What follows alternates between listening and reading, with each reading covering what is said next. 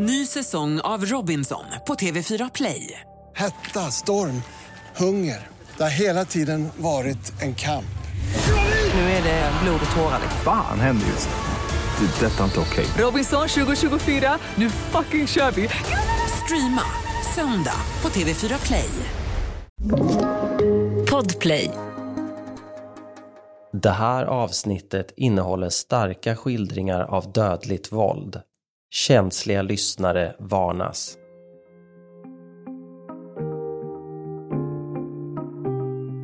Kvällen den 26 mars 2013 kommer den 73-årige guldsmeden Leif Klatskov hem från jobbet.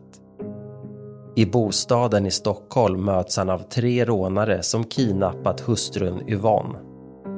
Under nära sex timmar hålls paret fånget under vapenhot. När Leif Klatskov ser sin chans att gå till attack mot en av rånarna mördas han med ett skott i bröstet.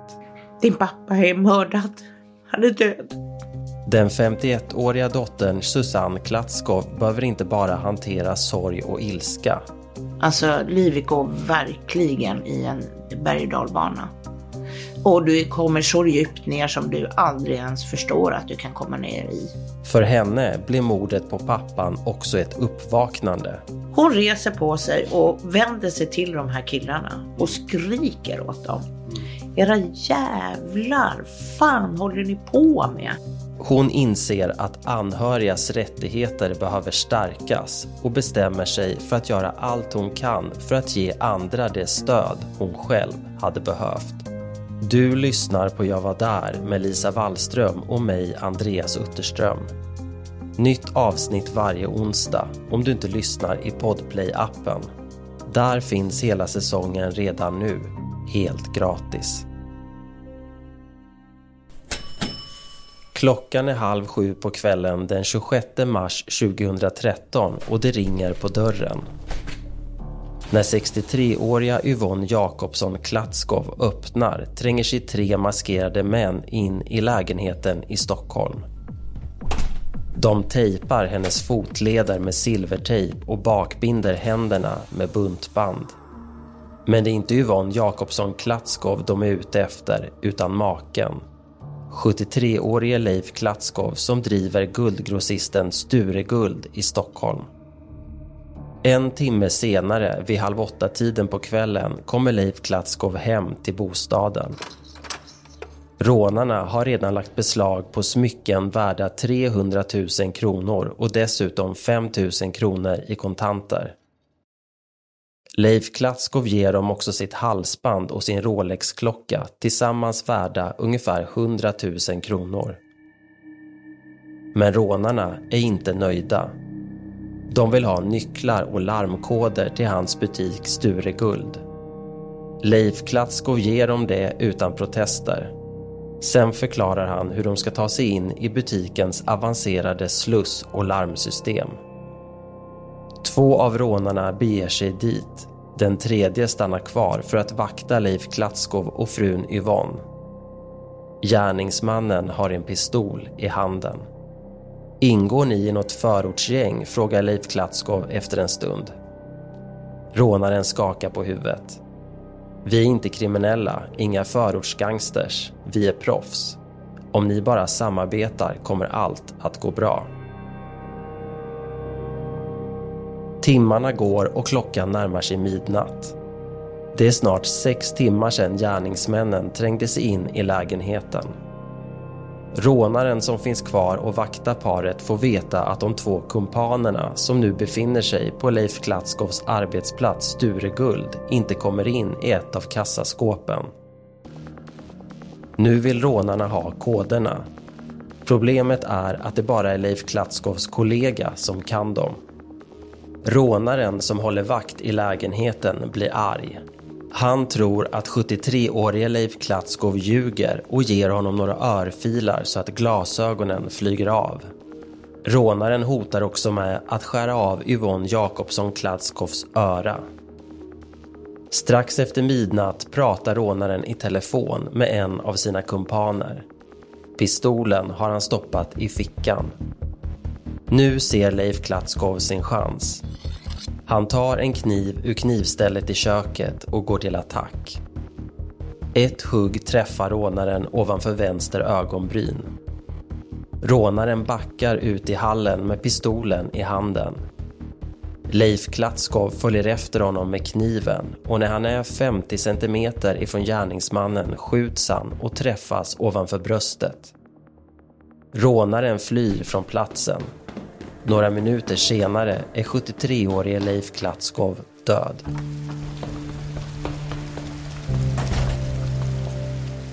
Han kommer att vara sörjd och saknad av många. Inte minst sin 51-åriga dotter Susanne Klatskov. Hennes föräldrar skiljer sig tidigt och fram till att de går i mellanstadiet är Leif Klatskovs tillvaro stökig. Men då får han ordning på sitt liv och blir en bra pappa som hon regelbundet åker till Göteborg där han då bor och hälsar på. Nu när båda är vuxna och bor i Stockholmsområdet har far och dotter tät kontakt. De pratar i telefon flera gånger i veckan. Leif Klatskov är en karismatisk person, bullrig och rolig. Men han har också ett hett temperament, precis som sin dotter. Därför blir de osams ibland, men alltid sams efteråt. Tidigt på morgonen den 27 mars 2013, några timmar efter mordet på Leif Klatskov, är dottern Susanne på väg till Norrland. Hon sitter i bilen tillsammans med sin sambo, dotter och dotterns pojkvän.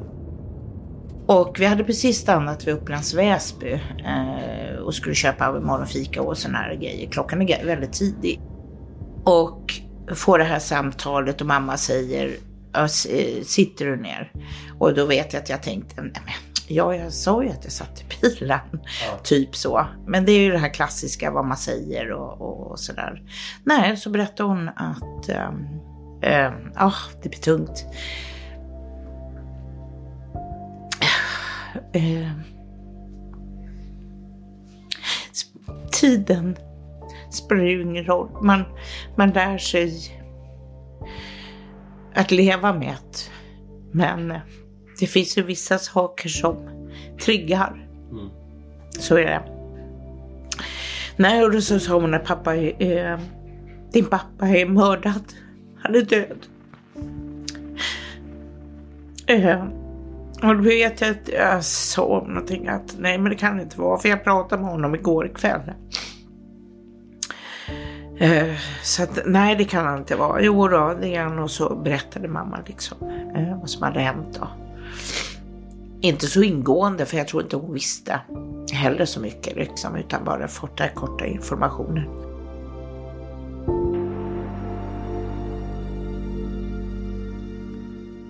Susanne Klatskov kan inte riktigt ta in att hennes pappa, 73-årige Leif Klatskov, är mördad. Men hon återfår fattningen och berättar vad som hänt för de andra i bilen. Min sambo säger, vad gör vi nu? Nu? Ja, men vi, vi åker till, till, vi är ju på väg till Norrland. Ja, fast det kan vi ju inte göra, sa han. 51-åriga Susanne Klatskov befinner sig i chock och tänker inte klart. Men de åker till slut tillbaka till Stockholm. Tankarna far genom hennes huvud. Vad är det som hänt och varför? har Leif Klatskov varit oförsiktig och berättat saker som gjort att någon fått tanken att han, guldsmeden, är ett lämpligt offer. Min första tanke var, ja jag blev förbannad på honom. Och så kände jag det, jävla gubbjävel. Nu har du säkert pratat för mycket. Mm. Det är första gången och enda gången jag har liksom tänkt och just den tanken. Eh, nu var det ju inte det som var orsaken. Tillbaka i Stockholm får Susanne Klatskov träffa polisen som berättar vad som hänt. Senare samma dag, den 27 mars 2013, samlas familjen hemma hos hennes farbror Tommy i Stockholm. Den mördade Leif Klatskovs fru Yvonne finns också med och sörjer. I det här läget, mindre än ett dygn efter mordet, vet de anhöriga inte så mycket mer än det Yvonne berättar. De får också viss information av polisen men eftersom utredningen pågår kan familjen inte få full insyn. Så här låter det i Efterlyst i TV3 samma kväll den 27 mars 2013, mindre än ett dygn efter mordet. Jenny, vad kan du berätta? Mannen visade sig alltså vara 73-årige Leif Klatskov, en känd juvelerare. Och det handlar om ett eh, välplanerat rån som övergick ett gisslandrama. Mannen som sköt Leif Klatskov har lämnat blodspår efter sig. Därför söker polisen i DNA-registret. Där blir det träff på en 24-årig man från Uppsala som tidigare är dömd för brott, även om inget ens i närheten av det han nu gjort sig skyldig till. Några dagar efter mordet i mars 2013 anger sig 24-åringen själv till polisen. Han vill inte berätta vilka medgärningsmännen är, men polisen har sina misstankar.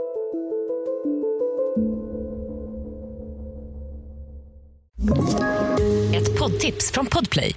I podden Något Kaiko garanterar östgötarna Brutti och jag, Davva, dig en stor dos skratt. Där följer jag pladask för köttätandet igen. Man är lite som en jävla vampyr. Man har fått lite blodsmak och då måste man ha mer. Udda spaningar, fängslande anekdoter och en och annan arg rant. Jag måste ha mitt kaffe på morgonen för annars är jag ingen trevlig människa. Då är du ingen trevlig människa, punkt. Något Kaiko, hör du på Podplay. Därför är gardinerna. Den 28 mars 2013, dagen efter mordet, skriver Expressen en artikel med rubriken “Mördade Leif 73 var kändisarnas favorit”. Där beskrivs Leif Klatskov som en mycket känd och aktad juvelerare och smyckesdesigner. Någon som gjort affärer med prins Bertil, brottaren Frank Andersson och artisten Erik Sade. Men också någon som gjort vigselringarna till radioprofilerna Laila Bagge och Niklas Wahlgrens bröllop. Det här är uppmärksamhet av det slag man kan tänka sig att anhöriga inte uppskattar. Men mordoffrets dotter Susanne Klatskov känner precis tvärtom. Någonstans så var det en del av, en del av den här upprättelsen, att man lyfter offer. Mm. För offer är verkligen en liten minoritet i det här landet. Det är oftast bara gärningsmän man lyfter. Samtidigt som utredningen pågår under våren 2013 försöker 51-åriga Susanne Klatskov hantera sorgen efter sin pappa. Alltså livet går verkligen i en värsta berg och dalbana. Och du kommer så djupt ner som du aldrig ens förstår att du kan komma ner i. Att ta sig igenom vardagen med jobb och tre barn är en kamp. Men man måste. Alltså man, jag tror mest de flesta människor är vi överlevare. Susanne Klatskov har ett stort behov av att prata om det som hänt. Men det visar sig vara svårt. Vi har en kultur i Sverige att eh, man pratar inte om sorg. Eh, sorg är lite tabubelagt. Man tycker att efter ett par månader, max sex månader, så borde man ha sörjt klart. Vilket ju är rent förskräckligt, för alla människor, alla individer har sin sorg. Och den ter sig på olika sätt och den tar olika lång tid. Eh, och det är inte andra personers sak att tala om hur länge vi ska sörja. Och i sånt här specifikt fall så sörjer man ju inte. Uh, alltså den finns, sorgen finns ju hela tiden. Det är bara att vi ska lära oss leva med den här förlusten och den här sorgen som finns. 51-åriga Susanne Klatskov upplever att vissa vänner och kollegor inte riktigt vågar ta upp mordet på hennes pappa. När hon själv gör det blir stämningen ibland obekväm. Men det bekom inte mig. Alltså för mig så var det viktigt att få prata om det och för det är just det en del av bearbetning av sorgen. Det är, och det, det, där hamnar vi alla som kommer att få sörja. No, på något sätt. En svår skilsmässa, barn flyttar hemifrån eller någons dödsfall. Så kommer vi behöva få prata om vår sorg och den förlust vi har varit med om. Så för mig var inte det viktigt huruvida de svarar eller inte. Påsken 2013 är det dags för den judiska begravningen av Leif Klatskov. Man vakar in sina döda. Så det gjorde vi. Man sitter tillsammans, man äter och man är och man är ganska ändå naturlig. Eller man gråter och man, man skrattar ihop. Och sen har man ett rum som man går in i och så har man då där man sitter i två fåtöljer så går man antingen själv eller så kan man gå in två åt gången. Så turas man om, men man har scheman när man kommer och sitter och är där.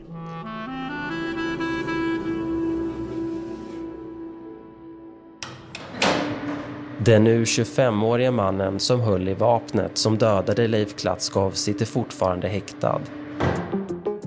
Under våren 2013 grips också två andra män. En av dem släpps i brist på bevis. Den andra, en 23-åring, häktas och åtalas tillsammans med 25-åringen som höll i vapnet. Våren 2013 inleds rättegången mot de två männen i Stockholms tingsrätt. Susanne Klatskov och de andra i familjen är på plats. De anhöriga representeras av ett målsägarbiträde, en jurist som ska föra deras talan i rätten. Alltså in, när vi kom då, och så här, så här var det ju varje dag, eller de dagarna vi hade rättegångarna. Så är vi ju där och då är ju gärningsmännens eh, anhöriga också. En märklig situation och nu händer också något oväntat. Systrarna till 25-åringen som åtalats för mordet på Leif Klatskov väntar också i korridoren utanför förhandlingssalen. Eh, de kom eh, fram till oss och eh, beklagade. Det var starkt gjort av dem och jag tror nog att egentligen var det nog den reaktionen vi fick. Wow! Mm. Modigt! Mm. Strångt att våga. Det var Så, ingen fientlighet er nej, i det samtalet? Nej, för att två jättetrevliga systrar. Mm. De jobbar, sliter hårt båda två jag kan inte säga att vi skaffade någon vänskap, men det fanns en vänlig ton. De var ju lika i stort behov som vi var i våran förlust. Så hade ju de fått en annan förlust i, sin familj och hade kanske behovet av att få prata med oss och, och, och, det gjorde vi. Vi pratade en liten stund varje gång till varje tillfälle och vi känner ingen förakt till dem. Det är inte de som har gjort och utfört dådet. Det är inte de som har valt den här vägen. Eftersom mordet på Leif Klatskov i mars 2013 varit väldigt uppmärksammat i medierna är rättegången välbesökt. Anhöriga och vänner till offret är där, liksom de åtalades vänner och familjer. Men också journalister och nyfiken allmänhet. För mordoffrets dotter Susanne Klatskov är det här en chans att få svar på alla frågor. Men hon får direkt en dålig känsla i magen, något som främst beror på mannen som bestämmer i rättssalen. En oerhört otrevlig eh, domare. Han satt med ryggen emot eh, åklagare och eh, eh målsägarsidan 51-åriga Susanne Klatskov reagerar också på att kompisar till de åtalade, som också är på plats i Stockholms tingsrätt, hånskrattar. Det kokar i henne. Men det visar sig att det kokar ännu mer i hennes dotter som också sitter där bland åhörarna. Hon reser på sig och vänder sig till de här killarna och skriker åt dem. Mm. Era jävlar, fan håller ni på med? Att, håll käft, fattar ni mig? Att det är min morfar som har blivit mördad. Mm. Då slutar de faktiskt. Eh, jag tror de blev rätt ställda. Eh, slutade så vände hon sig om och då först säger eh, domaren. Kan ni inte uppföra er så får ni gå ut. Mm. Det här borde ha skett betydligt tidigare. Vi skulle inte ha behövt kommit så här långt. I juli 2013 fälls 25-åringen som höll i vapnet för dråp istället för mord. Stockholms tingsrätt menar att han haft nödvärnsrätten på sin sida när han attackerades av Leif Klatskov. 25-åringen döms till 12 års fängelse. Hans 23-årige kumpan frias. Susanne Klatskov är chockad. Ja, och det tycker vi också är rent för jävligt. Ja, ursäkta svär, men det, alltså, jag blir... Det är, är, är det något... Såna här, vissa av de här rättsgrejerna är så oerhört provocerande. Domen överklagas och senare under 2013 inleds den nya rättegången i Svea hovrätt. Då har åklagaren bytts ut och familjen har fått ett nytt målsägarbiträde. Susanne Klatskov är återigen på plats bland åhörarna. Den här rättegången upplever hon helt annorlunda än den i Stockholms tingsrätt. Mer professionellt, men väldigt sakligt. Mm.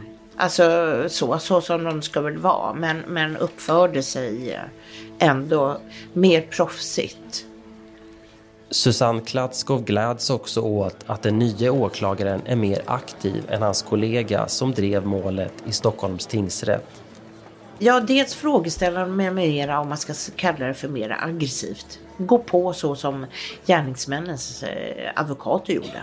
Det åklagaren lägger mest krut på är att han vill att 25-åringen som dödade Susanne Klatskovs pappa ska fällas för mord istället för dråp att den som hotar, slår och under vapenhot håller någon fånge i nära sex timmar inte ska kunna hävda nödvärn.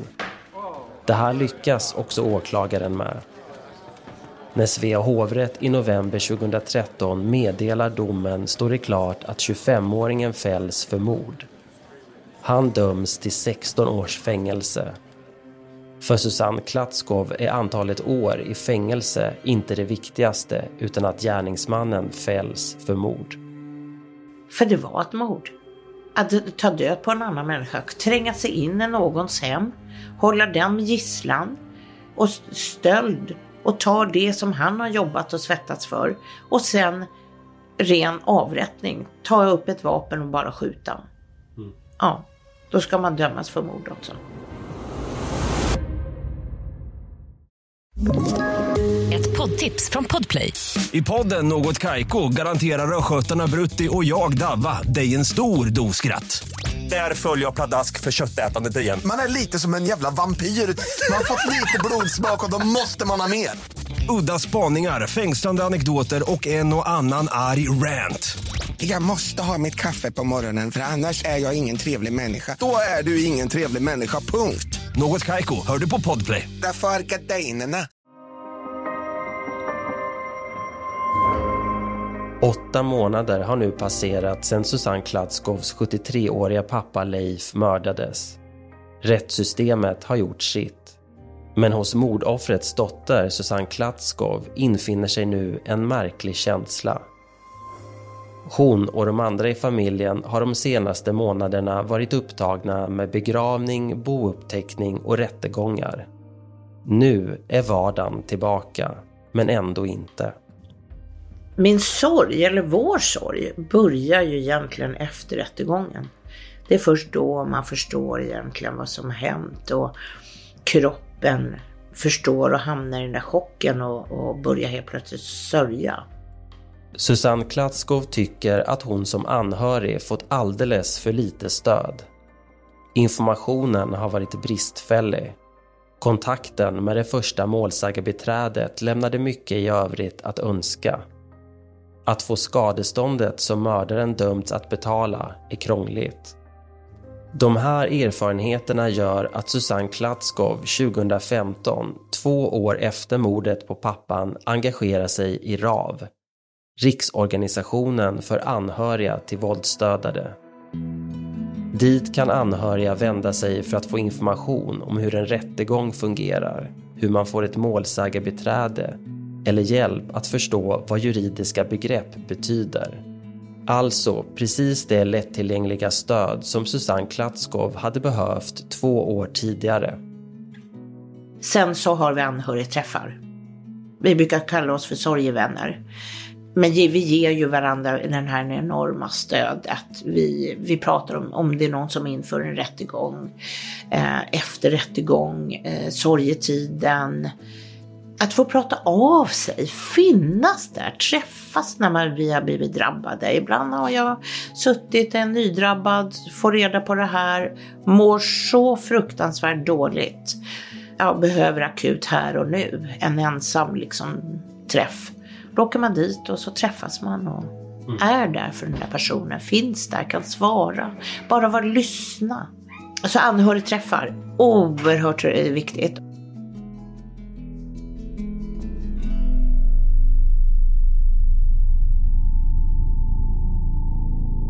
Mannen som mördade Susanne Klatskows pappa sköter sig inte i fängelset. Här från Aftonbladet TV i november 2017, fyra år efter att han dömts för mordet på Leif Klatskov. Den dömda rånmördaren åtalas för att ha slagit en stekpanna i huvudet på den dömda dubbelmördaren De två männen hamnade i konflikt på Kumla där de avtjänar sina respektive straff ska ha blivit arg för att han inte fick den mat han ville ha och då gått och hämtat en stekpanna. Sedan ska han slagit i huvudet flera gånger. Leif Klatskovs mördare, som nu är 29 år gammal, döms 2018 för misshandeln inne på Kumlaanstalten. Susanne Klatskov vet inte exakt när han släpps fri, men det borde vara inom ett halvår. Däremot vet hon hur det kommer att kännas när dagen är kommen. Fruktansvärt. Kommer du eh, googla då och försöka ta reda på var han bor? Så Absolut. Du... Jag vill veta var jag har han. Ja.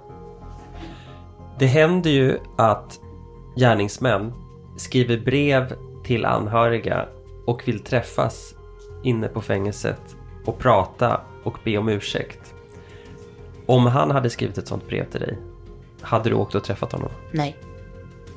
Du svarar utan tvekan? Ja, det gör jag. Han hade ett val. Idag, hösten 2023, är det tio år sedan 73-åriga Leif Klatskov mördades.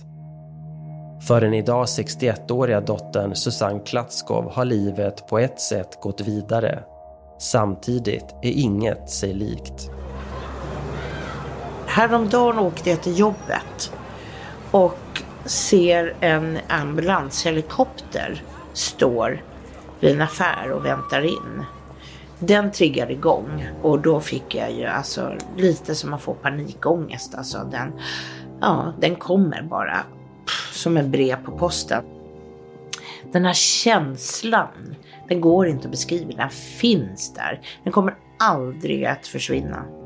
Jag lär mig bara leva med den. En händelse som Susanne Klatskov ofta tänker tillbaka på är när hon strax efter att ha firat sin 50-årsdag pratade med sin pappa Leif i telefon. Och gud, jag kände hela livet passera liksom. Och gud, 50 år, jag fick panik. Och så, så, så säger jag till pappa, nej. Och så kom jag på mig själv, nej men alltså gud, hela pappas sida lever de ju nu, de flesta väldigt gamla. Vi har ju fler som har gått en bra bit över hundra. Mm. Och då så sa jag till pappa, nej men alltså herregud, jag har ju planerat att bli hundra år. Herregud, jag har ju bara gått halva tiden. Och så pratar vi, hur gammal ska du bli? Aha, ja, nej men jag nej, nej men hundra tycker jag. Nej men det vill jag nog inte. Men jag tänker med 90 år. Så. Och det är en, en grej som verkligen har också etsat sig. De, nu har ju han sett till, han fick aldrig bli 90 år. Annars är de flesta minnena av Leif Klatskov ljusa. Inte minst de som kommer från familjens gemensamma julfiranden. Han såg fram emot det där verkligen, att vi firade. Och mm. Han fick göra sin Jansson. Han var mycket duktig på mat. Han älskade han skulle göra sin Jansson. Nåderna, jäklar om någon annan gjorde det. Nu är det oftast min son som gärna vill göra, göra den. Och, ja. När 73-åriga Leif Klatskov mördas våren 2013 förlorar Susanne Klatskov en pappa och hennes barn en morfar. Sorgen försvinner aldrig. Men alla har också jättefina minnen. Mm. Alltså det är de som vi lever för idag och har roligt och skrattar och någonstans så finns han ju fortfarande här.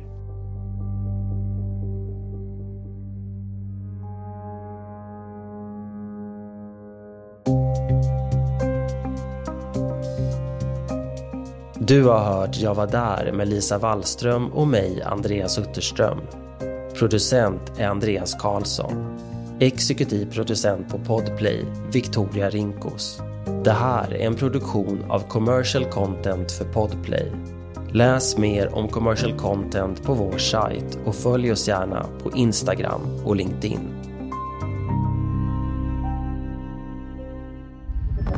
Podplay, en del av Power Media.